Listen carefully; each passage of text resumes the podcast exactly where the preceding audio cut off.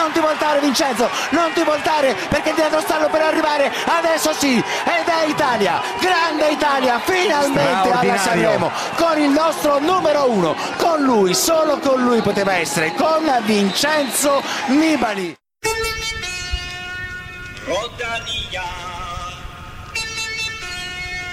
Rodania.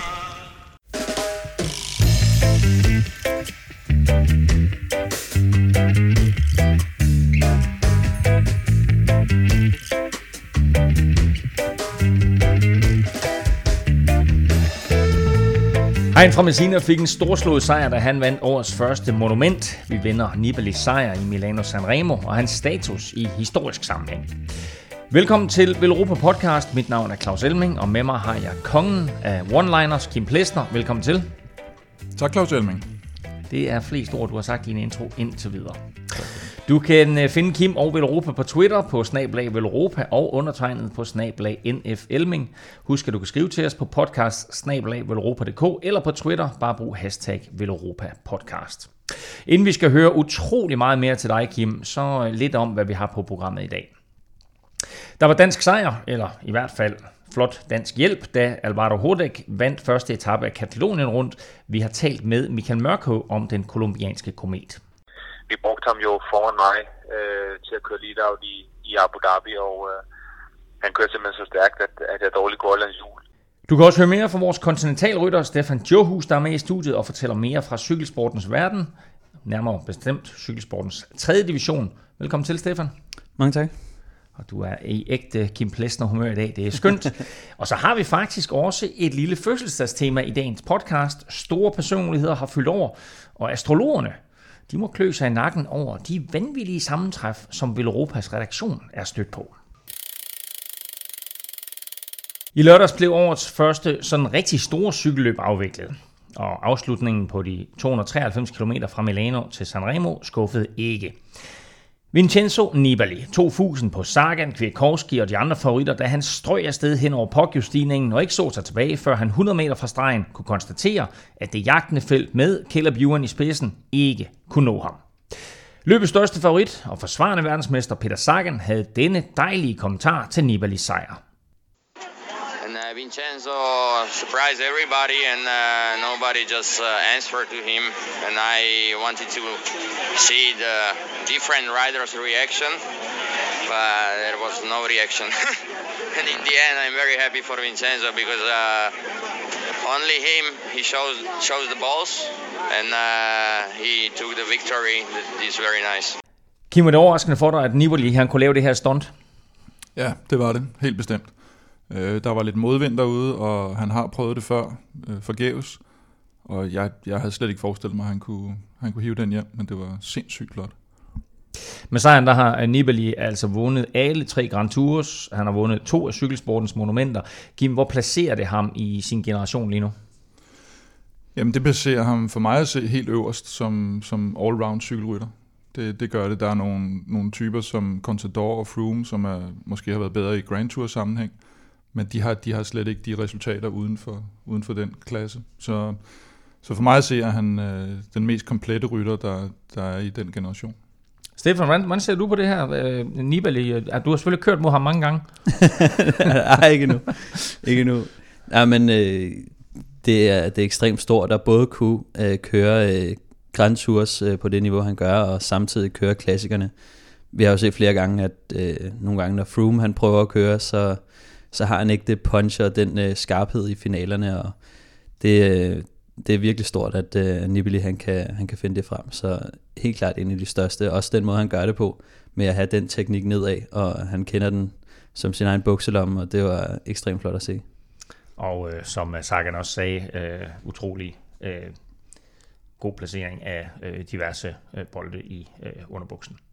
Øh, Kim, sådan øh, historisk set, hvor er øh, Nibali hen der? Nej, men der, nu nævner du selv det der med, at han øh, er en af få rytter, der har præsteret det, han har præsteret, så, så jeg synes da også, han er...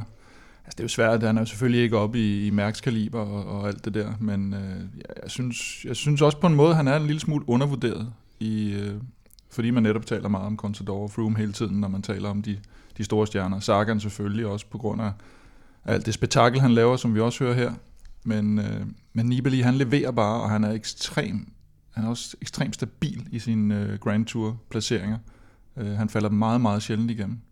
Han gav odds 101 til at vinde Milano Sanremo. Du havde, ham, du havde faktisk givet ham to stjerner i, i din vurdering, så øh, det var, det var faktisk ganske fint. Du giver sådan fra fem, og så ned efter fem stjerner til dem, der har størst chance for at vinde. Øh, du havde alligevel en lille bitte smule fidus til ham. Og men jeg havde også øh, relativt mange rytter med i, i stjerneuddanningen. Ikke? den sikreste måde at, at ramme plet så, på. hvis han havde fået to stjerner, så lå han jo stort set i den, i den nederste tredjedel af, af feltet, i, i dem, jeg havde givet stjerner. Nej, jeg, man vidste jo godt, at han var en af dem, der måske ville forsøge og også kunne give den et helhjertet skud. Men øh, igen, ja, modvind, og jeg, jeg troede, det var blevet en sprint i år også, fordi sidste år var der nogen, der holdt hjem, og så var det ligesom om, at nu, så kender man faren, ikke? og så, så skal det lukkes, og, men det, det, det, det blev det bare ikke. Så det og det var jo netop derfor også, at han vandt, at øh, de andre de sad og lurede passet på hinanden, og så øh, tog han chancen øh, og, og, og slog til og holdt hjem, hvilket var det mest imponerende. Der var, der var også dansk islet på resultatlisten. Magnus Kort spurgte sig til en 8. plads. Han fortalte os øh, i sidste podcast, at han gerne forbedrer sin 11. plads fra sidste år. Det gjorde han selvfølgelig. Tre pladser bedre, men sidder vi ikke lidt med følelsen af, Kim, at det kunne være blevet til endnu mere? Jo, og det jeg snakkede med Magnus lige kort efter, hvor han også var en lille smule forbandet, og han også sagde, at, øh, at det, var der, det var på en eller anden måde godt, at de ikke spurgte om sejren, fordi han, han følte, at han blev lukket lidt inde i spurten, og han sad egentlig med ret gode ben, så, så hvis det var blevet samme udfald, og, og det så var blevet til en syvende plads, og de havde kørt om sejren, så ville han have været endnu mere skuffet. Men jo, han leverer igen, og, og leverer på højt niveau, og det, det har været en super sæsonstart også for ham. Kort ind øh, som 8, Mathieu Bachel ind som 12, og giver det dig lidt blod på tanden sådan fremadrettet? ja, der, der er et lille stykke vej til Milano Sanremo, men, men nej, altså... Øh, det er et løb som Milano Sanremo, det er faktisk et løb, som passer kort øh, ekstremt godt, i og med, at han ikke er en af de allerhurtigste i feltet, men, øh, men han er ekstremt god til at kunne komme over de der forhindringer. Øh, så, øh, så med en hård udskilning på, på Poggio, så, øh, så kan han lige pludselig være en af de, de hurtigste rytter i feltet, hvis, hvis de kan få rytter som øh, Cavendish og nogle af de andre. Cavendish, han, han, han, han fik sig selv ud. men, øh, men nogle af de andre øh, topsprinter, som er lidt for tunge til at, til at komme med henover, og, øh, så, så det bliver ekstremt sjovt at se, om han, han også kan forbedre den i fremtiden. Og det her med, øh, nu øh, nævnte jeg lige Mads Brichel, han betol og Kim. Øh, det er dejligt at se ham markere sig igen og, og, og vise form efter sådan et, et par svære år. Øh, tror du, at vi skal forvente os noget af ham, når vi rammer Flandern og Roubaix, eller er han lidt låst af, af EF Educations, øh, hvad skal vi sige, kaptajn Van Marke? Læg mærke til Van Marke. Van Marke, ja, det tror jeg faktisk. Det bliver han jo alt andet lige. Der kan ske utrolig meget i løbet af, af bare den der belgia uge, som man kalder det, men, men, men alt andet lige, så er han låst af, af Van Marke og skal køre for ham. Men, men der kan jo ske, det er jo sket, set mange gange før. Øh, øh, tidligere har det været, hvad hedder han, øh, Servais Knaven, da han for eksempel vandt Paris-Roubaix, hvor Marpej, de havde jo nærmest, øh, de havde hele øh, frontgruppen, og så stak han afsted, og så var det lige pludselig ham, der vandt i stedet for. Så hvis de kommer til at sidde i overtal, både ham og Van Marke, kan han jo blive sendt afsted i et skud, men jeg, jeg tror, jeg tror mere, at han kører, kører låst opgave. Men i hvert fald dejligt at se øh, uh, Mathieu Brichel markere sig på den måde og være med helt fremme. Uh, Stefan, vi har selvfølgelig introduceret dig. Uh, velkommen til endnu en gang. Ja. Uh, jeg skal lige høre dig, fordi nu, nu taler vi meget om Milano Sanremo her, uh, men lad os lige springe på divisioner ned, nemlig til kontinentalniveauet, hvor, hvor du befinder dig. Uh, du har ramt noget sygdom. Har du kørt løb siden sidst? Nej, det har jeg faktisk ikke. Øhm, jeg havde øh, noget sygdom op til vores træningslejr, og fik en lidt for hård opstart, så jeg fik pådraget mig øh, nogle små overbelastningsskader, som, øh, som jeg lige må arbejde lidt på, inden, øh, inden jeg kommer tilbage, men, men det ser lyst ud, og øh, jeg, inden længe, så, øh, så, så starter sæsonen her.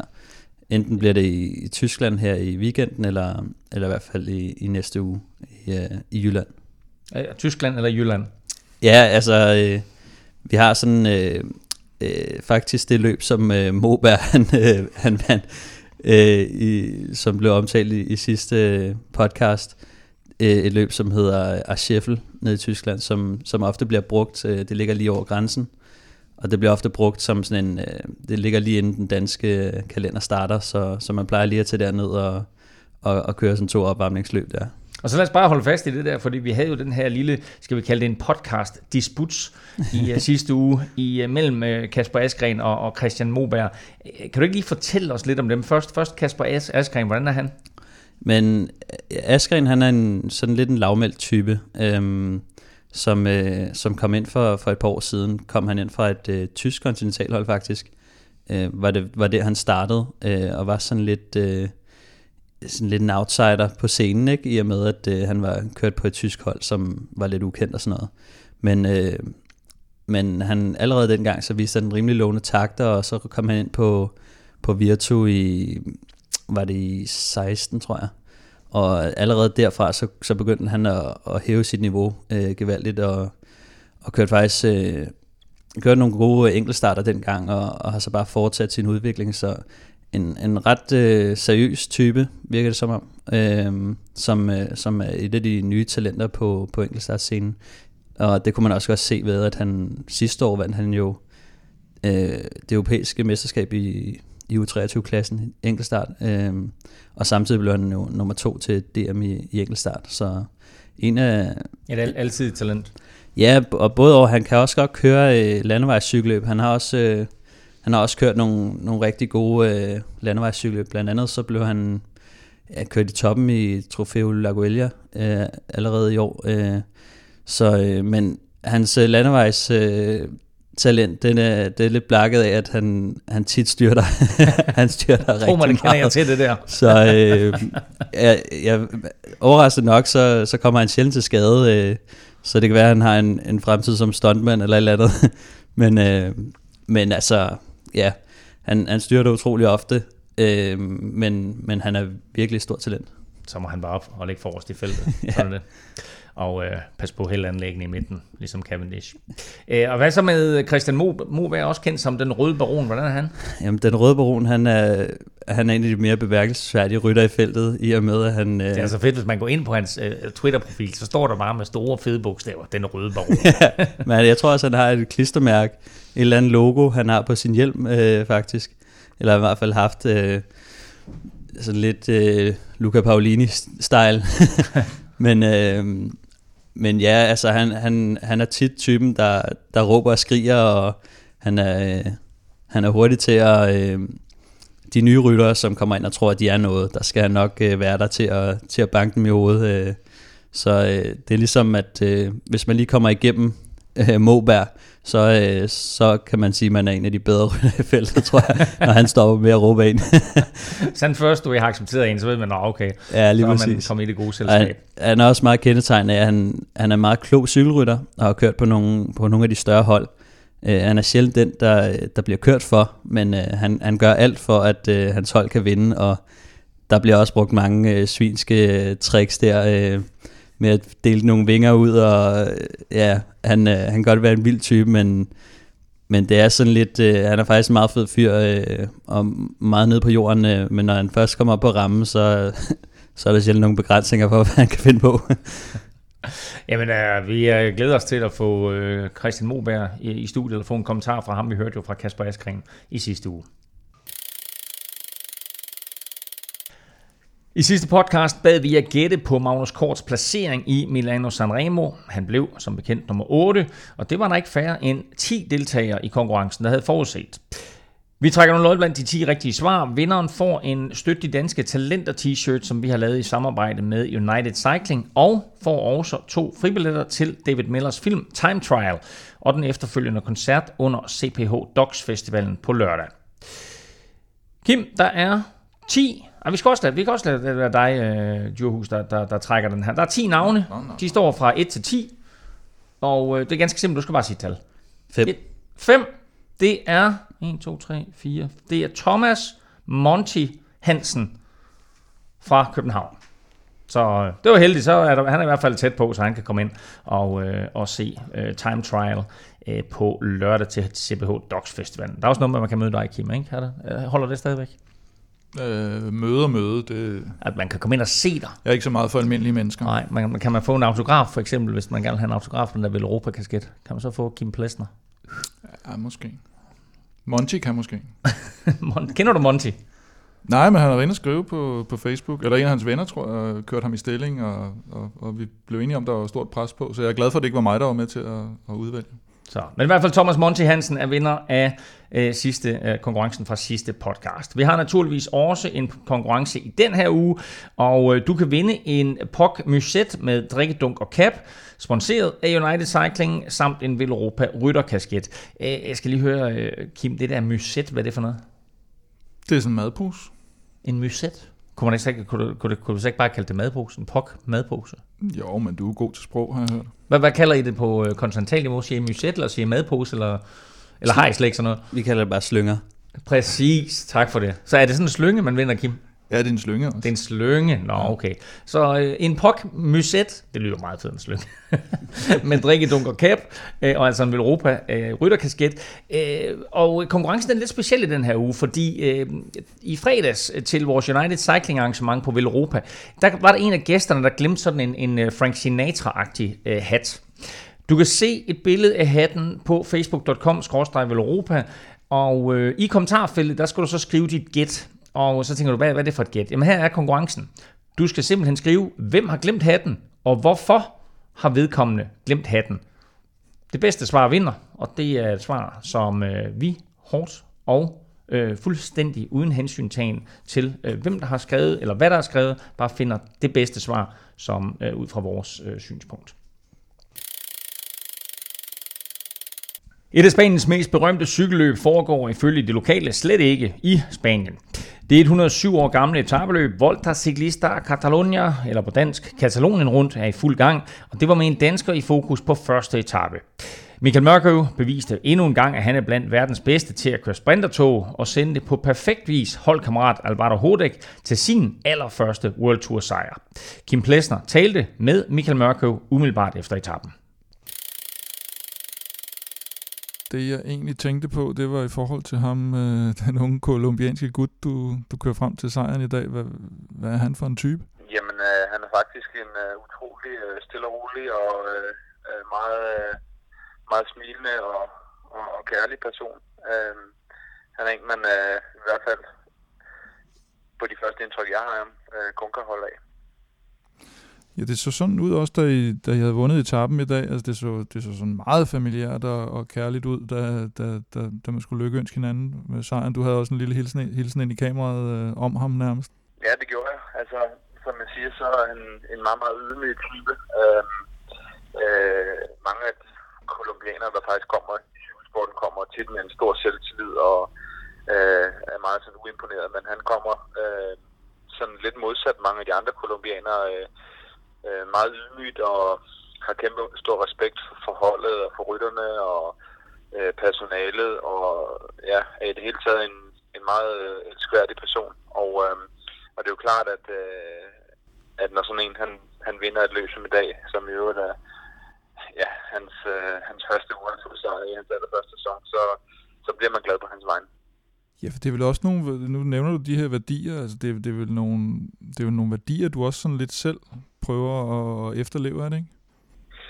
Jo, altså det er jo min øh, tilgang til, til tilværelsen. Øh, altså at have respekt for, for ens medmennesker og være, øh, prøve at have en positiv indstilling til, øh, til livet og til, til det, man går og laver. Og, øh, og ja, øh, jeg, øh, jeg synes, at øh, han, han har en rigtig fed personlighed, øh, Alvaro, og, øh, og øh, ja, han, altså det var også med gråd i stemmen. Han sagde, han sagde tak for hjælpen til mig øh, 200 meter efter målstregen, og det må sige, at, at, at det, øh, det fortæller jo alt om, hvad, hvad han føler inde i. Ja, det så næsten lidt, øh, jeg ved ikke, om man kan sige, det så for nemt ud i dag, men det så sådan lidt, at du bliver selv nummer 4 på etappen. Hvordan føltes det at sidde der? Føltes det lige så nemt at sidde der?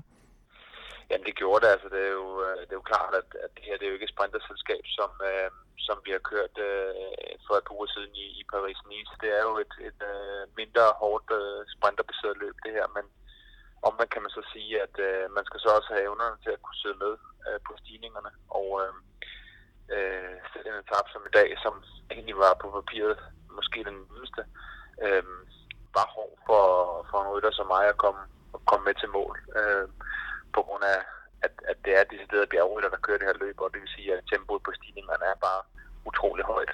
Ja, og kolumbianske sprinter, vil man jo egentlig sige, sådan, dem, dem ser man ikke så mange af, men nu har I lige pludselig to på holdet, og så går den ene ud med skade, og så, så, så vælter ham her lige pludselig ind på scenen. Hvad, hvad sker der med alle de... Hvor finder man sådan nogen henne? Ved du, hvordan holdet har fundet ham her? Ja, men altså, det er jo... Selvfølgelig er det godt scoutet. Jeg må bare sige, det, den, den smule kendskab, jeg har ham til, til ham nu her, altså han er et, et kæmpe talent. Altså, vi, vi brugte ham jo foran mig øh, til at køre lead-out i, i Abu Dhabi, og øh, han kørte simpelthen så stærkt, at, at jeg dårligt går hans hjul. Og der fik jeg ligesom øjnene op for, hvad for en, hvad for en kapacitet han har. Og øh, det kunne vi jo også se i dag. Altså, da, da, han træder, da han træder forbi mig, er der ikke nogen, der har en chance for at, at komme med. Så øh, han, er en, han er en stor øh, kapacitet. Han har et stort potentiale, og øh, han kunne meget vel blive en, en rigtig giftig sprinter øh, de kommende år. Og hvordan ser du ham, hvis man nu skal sammenligne ham med, er det, er det altså en decideret kitteltype, eller er han lidt stærkere på, på stigningerne, som, som du siger, man havde brug for i dag, eller hvor ser du ham udvikle sig henad fremover? Til trods for, at han er stor og stærk, øh, så er han faktisk ikke øh, særlig tung. Øh, jeg tror, han, han vejer en 5-76 kilo, og, og det er egentlig ikke så, så galt for en, en stor, stor dreng, som han er. Så jeg tror, at han bliver sådan en, en rytter, der, der godt kan i god form sidde med på, på nogle okay stigninger, og så, og så have, have de vat, der skal til for at vinde spurterne til sidst. Og hvad med dig selv efter skiftet? Nu er du kommet lidt i gang med sæsonen og, og, og kommet over på et hold, der bare vinder og vinder. Hvad er det for en, øh, en øh, magisk formel, de har fundet der? Altså, er der noget, du kan mærke, sådan, der, der gør en forskel i forhold til andre hold, du har været på? Jamen, det har jeg selvfølgelig også spekuleret over. Jeg også, øh, noget, det var også noget, det jeg var mest spændt på, da jeg ligesom kom på holdet her. Og øh, jeg vil egentlig... Øh, jeg vil egentlig våge at påstå, at det er simpelthen fordi, at, øh, at der, er en, der er en vinderkultur her. Han lyder som kommende stjerne, uh, Alvaro Hodek, eller Kim. Skulle jeg faktisk kalde ham Alvaro Hodge?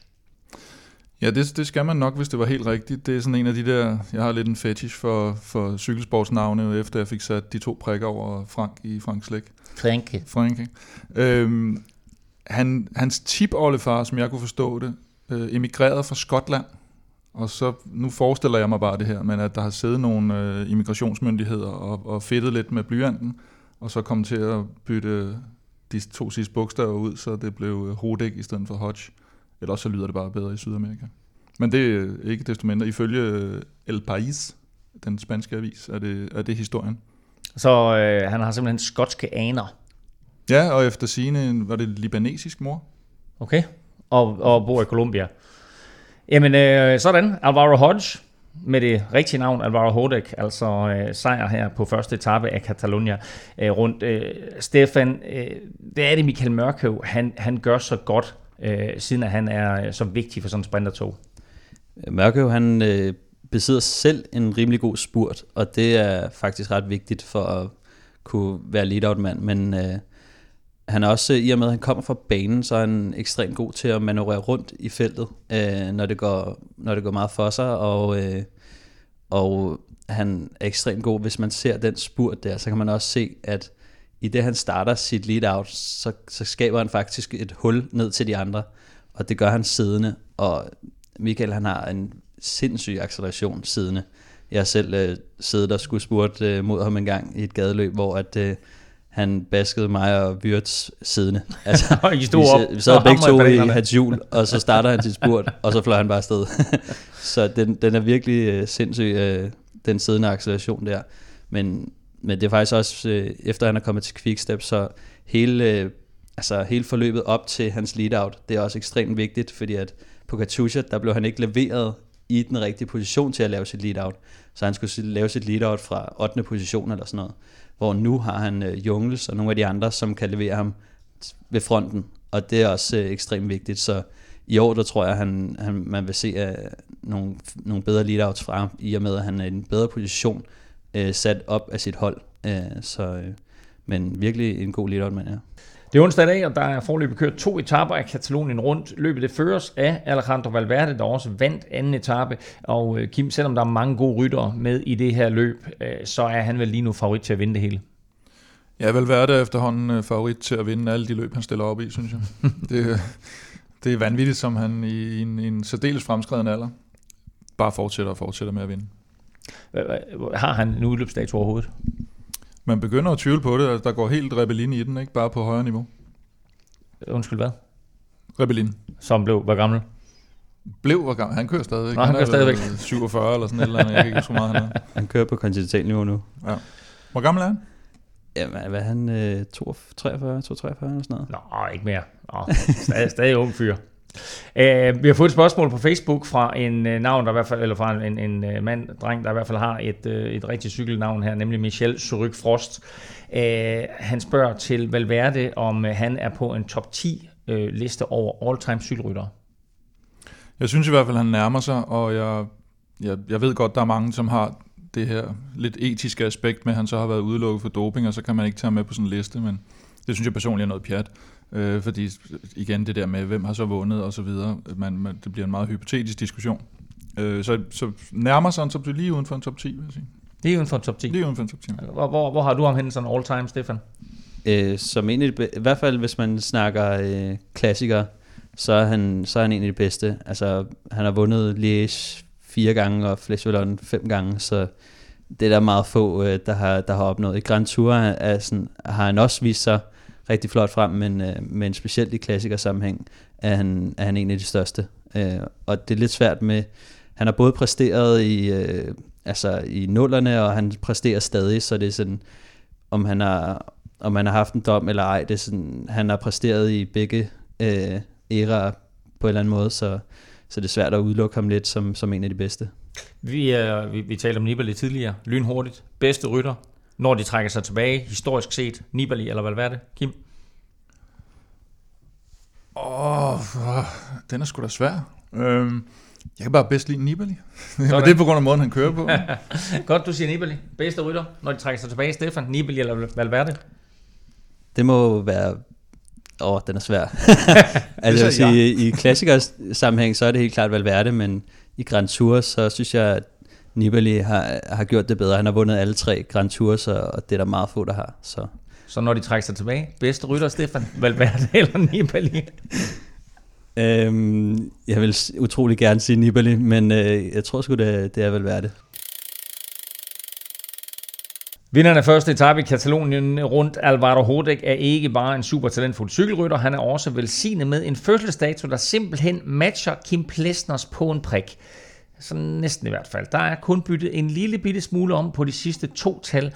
Kim, det var dig, der gjorde mig opmærksom på det her sammentræf. Du var selv en helt del op at køre over det. Hvorfor?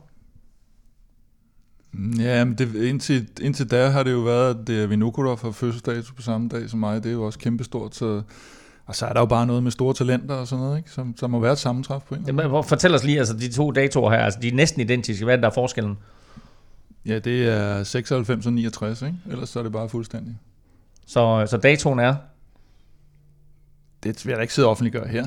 ja, fordi det kan man i hvert fald ikke google sig frem til. Nej, nej, nej. Ikke? Altså, Det bliver mellem os. så man kan finde Alvaro Hodeks fødselsdag, og den er så identisk med din. Er det der, vi er? ja, det er der, vi er. Stefan, hvornår har du fødselsdag? Jeg, jeg har fødselsdag den 7. april. Det er der, hvad, hvad er der i det? Hvad er det, så man ved, øh, og det, er, øh, det plejer at være godt, når jeg læser det i avisen. Så øh, Præcis. Nå. Øh, jeg havde faktisk fødselsdag i går, på øh, den 20. marts. Og øh, det er der også en anden øh, meget, meget berømt øh, cykelrytter, der har. I hvert fald, hvis man bruger Google. Ved du hvem, Kim? Ja, det ved jeg godt. Det ved du godt. Det var i hvert fald, hvis man følger... Det er den eneste, vi følger på Instagram. Det er faktisk rigtigt. Ja. Ved, ved du, hvem det er, Stefan? Altså, Vel Europa følger én cykelrytter på Instagram. Ved du hvem? Vedkommende havde, havde, vedkommende havde fødselsdag i går. det er nemlig rigtigt. Nej, det er ikke Nibali. Nå, sagde du Nibali? Nå, skal jeg synes, jeg synes, du sagde, det må næsten være en pige. og det har du nemlig ret i. Det må næsten være en pige. Så øh, navnet er Puk Moonen. Hollandsk. Puk Moonen. Hollandsk cykelrytter. Øh, ved du derude ikke, hvem Puk Moonen er, så gør dig selv en øh, tjeneste at gå ind og, øh, og google hende. Jeg er i hvert fald glad for, at, at ået af, at jeg har fødselsdag samme dag som Jesper Olsen, det nu er væk, ved at jeg kan sige, at jeg har fødselsdag samme dag som Puk Moonen. Til vores unge lyttere skal vi måske forklare, hvem Je- Jesper Olsen Ja, det kan godt være, vi skulle det. Så øh, Jesper Julemand. Øhm, men øh, Kim, nu ved jeg ved de her fødselsdage, så har jeg faktisk lavet en lille quiz til dig. Oh, nej, I, I, må nej. faktisk, I må faktisk deltage begge to. Du må også være med her, Stefan. ja, okay. Øhm, der, er to, der er to rytter, der har fødselsdag i morgen. Mm. Og øh, den første starter vi med. Øh, der er tre ledetråde. Der er tre point, hvis man øh, gætter det på første ledetråd, og to point, hvis man gætter det på anden ledetråd, og så et point, hvis man gætter det på den tredje ledetråd. Øh, han er født i Genève. Har I... Øh... Øh, Jakob Fuglsang. Hey! Ej, det er alligevel meget sejt, det der Kim Plesner. Det er korrekt. Jakob Fuglsang er født i. Genève. Anden ledetråd var, at han har vundet OL-sølv. Og tredje ledetråd var, at han var gift med Lulu. Han hedder Fuglsang. Det er sjovt. Nå, jamen øh, nu er nu er der jo pres på dig, øh, Stefan her. Øh, fordi øh, Kim har scoret tre point i, i første quiz. Øh, godt. Anden quiz. Også en øh, mandlig rytter. Han er født i Luca til tre point. Mario Cipollini. Det er jo vanvittigt, det der, Kim. er det Det er. Der er maksimum 6 point i den her quiz. Hvordan ved du det? Det ved jeg ikke. Det, han, er født i Luca. Godt, Nå. Født i Luca til 3 point, har vundet etapper i alle tre store etabeløb til 2 point, og så til 1 point. Han har vundet 42 etapper i Italien rundt og målet nærmest betragtet som kongen af Italien. Han bliver faktisk 50 i morgen. Så øh, Oh, oh. en stor, rund, flot fødselsdag til Mario Cipollini, også bare kendt som Super Mario. I weekenden går det er løs på brostenene, når det professionelle felt igen drager mod Belgien for at køre E3 Harlebække fredag og Gent Wevelgem søndag. Men allerede i dag onsdag, ja, der køres løbet tre dage ved Pande. Øh, og så tænker man, i dag onsdag køres løbet tre dage ved Pande, men de afvikler alle tre dage i dag. Øh, Kim, hvad er der sket med det her løb tre dage ved Pande? Tre dage ved panden er blevet til en dag ved panden. En, en, et slag i panden. Eller tre slag i panden hed det før, ikke? Øh, og det er lidt ligesom, er det ikke fire dage ved Dunkirk, der, der køres over seks dage. Øh, så det er jo bare cykelsporten, ikke? Og nu, nu bliver det endagsløb både for mænd og kvinder. Mændene kører i dag. Men hvis man kigger på, på, på startlisten, så Og kan man kvinderne også, kører hvad i morgen, Jeg og så er der et ungdomsløb tredje dag, og så bliver det faktisk tre dage ved Pande. Ja, ja, men øh, sådan kan man også se på det. Men hvis man kigger på startlisten på herrenes tre dage ved pande i dag, så øh, altså, der er, altså, er virkelig kendte navne er der kun Viviani. Og, og ellers så, så står det lidt sløjt til. Og det, det er lidt et løb, der sådan, øh, det er gået ned ad bakke, for mange har taget det lidt væk, fordi der var, der var bøvl med, at for mange styrtede i det, så de, ville, de tog det ud af deres forberedelser til de virkelig store brostensklassikere. Og så synes jeg egentlig bare, at det er blevet mere og mere devalueret. og Det, jeg synes, det er lidt synd, at det, det var et meget sejt løb. synes jeg. Tre dage pande står måske også lidt i skyggen af de to løb, der køres i weekenden E3 Harlebække fredag. Og øh, skulle du have lyst til at komme ned og se det løb, jamen altså, så kan du komme ned på Villeuropa Café, hvor vi jo har det her helt geniale koncept, der hedder fredagsbar og cykelløb. Men E3 Harlebække, Kim, hvad er det for en størrelse? Jamen det har i modsætning til tre dage ved pande udviklet sig i en positiv retning. Øh, flere og flere store navne og, og, og virkelig store venner gennem de seneste år. Og et, et meget spektakulært cykelløb, en, en slags mini-flanderen rundt, vil jeg næsten sige. Øh, hvor, hvor, hvor der virkelig bliver skældt ud undervejs på, på brostenstigninger. Hvad for en type cykelrytter skal man være, Stefan, for at vinde E3 Harlebække? Man skal gerne være en Gilbert-type. Øh, en, som, øh, en, som kan, kan klare brustindstigninger, men også besidder en, en, en, en okay spurt, i og med, at øh, det typisk bliver en, en, en lille gruppe, der kommer ind til mål. Altså, så, at hvis du skulle give et bud på vinderen, vil det så være Philip Gilbert, eller hvem vil det være? Ja, jeg, jeg tror, jeg vil tage Gilbert. Altså, det er jo ulovligt at, at pege på Sagan. Øh, Er det for nemt? ja, det er simpelthen for nemt, ikke? øh, så øh, sidste år, der pegede alle jo på øh, Van Avermaet, fordi han var flyvende. Øh, men, øh, men ja, jeg tror, Gilbert kan, kan overraske i år. Han, han har faktisk kørt meget godt øh, i år, øh, bedre end han gjorde sidste år på det her tidspunkt. Og sidste år, der havde han jo en fantastisk øh, kampagne, hvor han, øh, hvor han kørte øh, var det 55 km ude i Flandern rundt og, og, og holdt hjem. Så, øh, så jeg tror, han, han er en type, der også plejer at ramme den lige i røven, når, øh, når, når de store løb kommer, så jeg peger på ham. Kim, hvem peger du på? Jeg peger på uh, Sepp van Marke. Sepp van Jeg Marke. tror, at Gilbert, uh, han har fokuseret alt for meget på det her med, at han skulle vinde Milano Sanremo og Paris-Roubaix i år. Eller han har givet sig et par sæsoner til at, at vinde de to sidste monumenter. Så jeg tror, han er helt nede over, at han ikke vandt uh, Milano Sanremo, og jeg tror ikke, formen er god nok overhovedet. Og Van Mark har i hvert fald øh, vist gode tendenser i år, så det er da helt klart en mulighed. Øh, Jeg går i en lidt anden retning og siger, at vi får en vinder, øh, som også vandt omlop Head Newsblad, nemlig at Michael Valgren overrasker alt alle Ja. ja. og øh, tager E3 Harlebække. Det er overraskende for mig, at du skulle være med i den her øh, quiz, skulle jeg til at sige. Nå, men jeg tænkte, jeg, tænkte, jeg, følte, jeg følte lige, at jeg havde lyst til at byde ind der. Skal vi sætte en Hansen-is på spil, så kan det være, at de vil sponsorere vores udsendelse. Vi sætter en Hansen is på spil. Hvad, hvad, hvad, hvad er det for nogle, hvad, hvad for nogle Hansen is er der? Er de der... Jeg skal have en Eskimo, hvis det er, jeg vinder. Nå, okay, er det sådan, når jeg tror det var sådan nogle af de der store kasser med is. Hvad hedder sådan nogle de der... Nå, lavkagerne. Nej, ikke, ikke nødvendigvis sådan en helt lavkage. Men altså, vi kan også godt tage en lavkage. Du er spiser du med på en- lavkage, Stefan? Ja, det kan, det, det kan være et lille stykke. Du, du spiser... Godt. Vi har simpelthen en islagkage på spil her. Gilbert, Van Marke, Valgren. Fal, Falgren. Gennem gennem søndag, øh, det er et løb med gode danske traditioner. Astana sportsdirektør Lars Mikkelsen, han har vundet løbet, og i 2012, der blev Mathieu Brechel 3'er. Øh, det var jo et ret fornemt podie det år i 2012. Tom Bonen vandt, Peter Sagan blev 2'er, og så Mathieu Brechel 3'er. Så øh, øh super flot af Mathieu Brechel at, at stå på det podie. Øh, Kim, kan vi, øh, kan vi få en dansk sejr på søndag? Jeg synes, at hvis, hvis Søren Krav havde været i samme form, som han var sidste år, hvor han sad i det afgørende udbrud med, med Sagan og Terpstra og, og alle de andre, så, øh, så vil han egentlig være et meget godt bud. Men øh, jeg, jeg tror ikke helt Søren øh, er, hvor han skal være i år, selvom han er, er lidt meldt ud nu. Men hvorfor passer det her løb godt til Søren? Øh, fordi han kørte det godt sidste år. det, vil være min, det, vil- det vil være min, øh, min, min, min, bedste, mit bedste bud. Stefan, har du øh, fidus det på søndag? Øhm, det skal nok være, øh, ja, danskerne så tror jeg på Magnus Kort. Øhm, han, har, øh, han har en lidt stærkere spurt, øhm, og Gent Wevelgem er ikke lige så hårdt som i 3 og Flandern, så, øh, så man skal typisk have lidt mere, øh, lidt mere spurt med til sidst. Øh, sidste år blev det meget splittet, øh, og derfor så, øh, så kan man også se Søren øh, godt frem. Jeg tror, der kommer en, en lidt større gruppe til mål øh, i år. Men Søren han er jo også udråbt til kaptajn af Sunweb sammen med Matthews.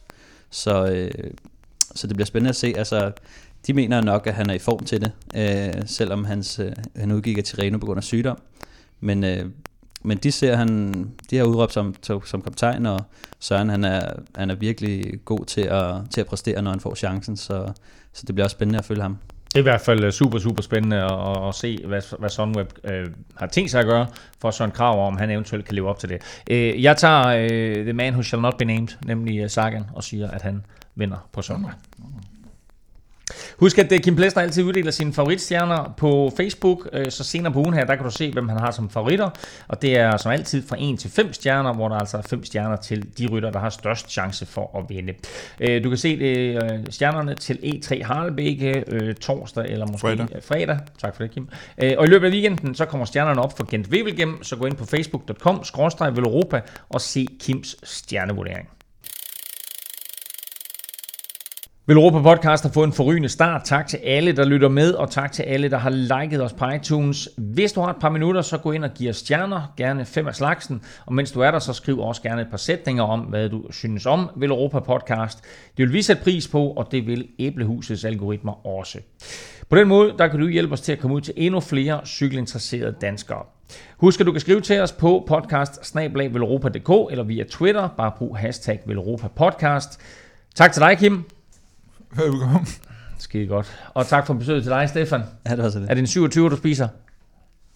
Nu er 27. Pissegod. Og hvis du skulle være i tvivl om, hvad en 27 er, så gå ind og lyt til vores allerførste afsnit af Vel Europa Podcast. Og skulle du have lyst til at se cykelløb sammen med andre cykelfans i weekenden, så kom forbi Vel Europa Café på Frederiksberg på fredag, hvor der er E3 Harlebække og fredagsbar. Hvem sagde genialt? Eller på søndag, hvor vi viser Gent Wevelgem. Tak for nu. Tak for nu, hedder det. tak for ny. Det er français. Oui, oui. Tak for nu. Tak fordi du lyttede med. Vi høres ved.